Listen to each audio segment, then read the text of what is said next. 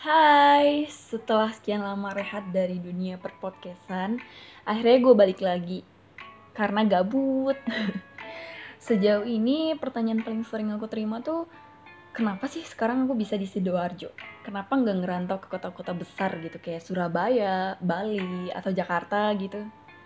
Nah jadi gini, waktu itu aku emang pinginnya ke Jakarta, tapi sebelumnya tuh udah ada tawaran duluan ke Sidoarjo awalnya pengen coba satu bulan dulu.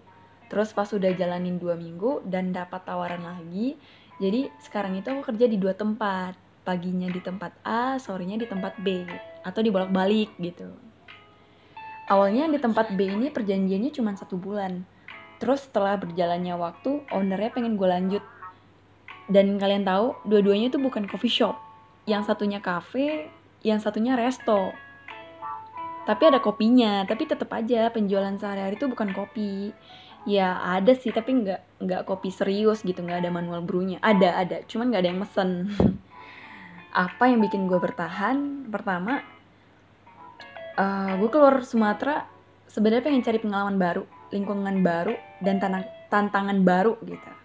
Memang sih pekerjaan di luar passion tapi di sini aku bisa jauh lebih mandiri lebih berkembang teman-teman baru dan ikut kompetisi kopi juga.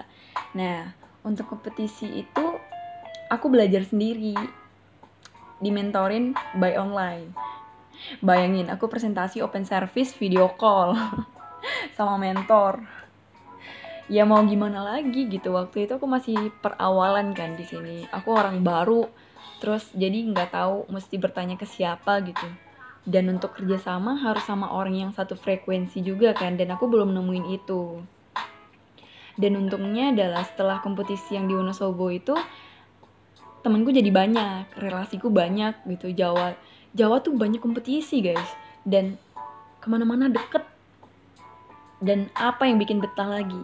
Company gue tuh dua-duanya support untuk kompetisi. Tapi disuruh belajar sendiri. Gitu karena di sini nggak ada yang paham kopi kan? Tapi beruntung kan? Ya iyalah kapan lagi diizinin libur kalau ikut kompetisi? Dibiayain. Kurang enak apa lagi coba? Jadi di situ gue mikir kalau kalau aku nggak di sini belum tentu bisa kayak gini gitu. Apalagi sekarang posisinya aku lagi berapi-api lagi berapi-apinya buat ikut kompetisi gitu boro-boro disupport buat libur aja itu belum tentu dikasih di tempat lain. Nah, jadi gitu. Kenapa aku sekarang di sini, di Sidoarjo. Gitu, guys. Sudah terjawab kan pertanyaannya? Thank you udah dengerin. Sampai ketemu di episode selanjutnya. Kalau kalian ada pertanyaan atau ada ide buat podcast selanjutnya, mau bahas apa gitu, DM aja ya. Thank you. Bye-bye.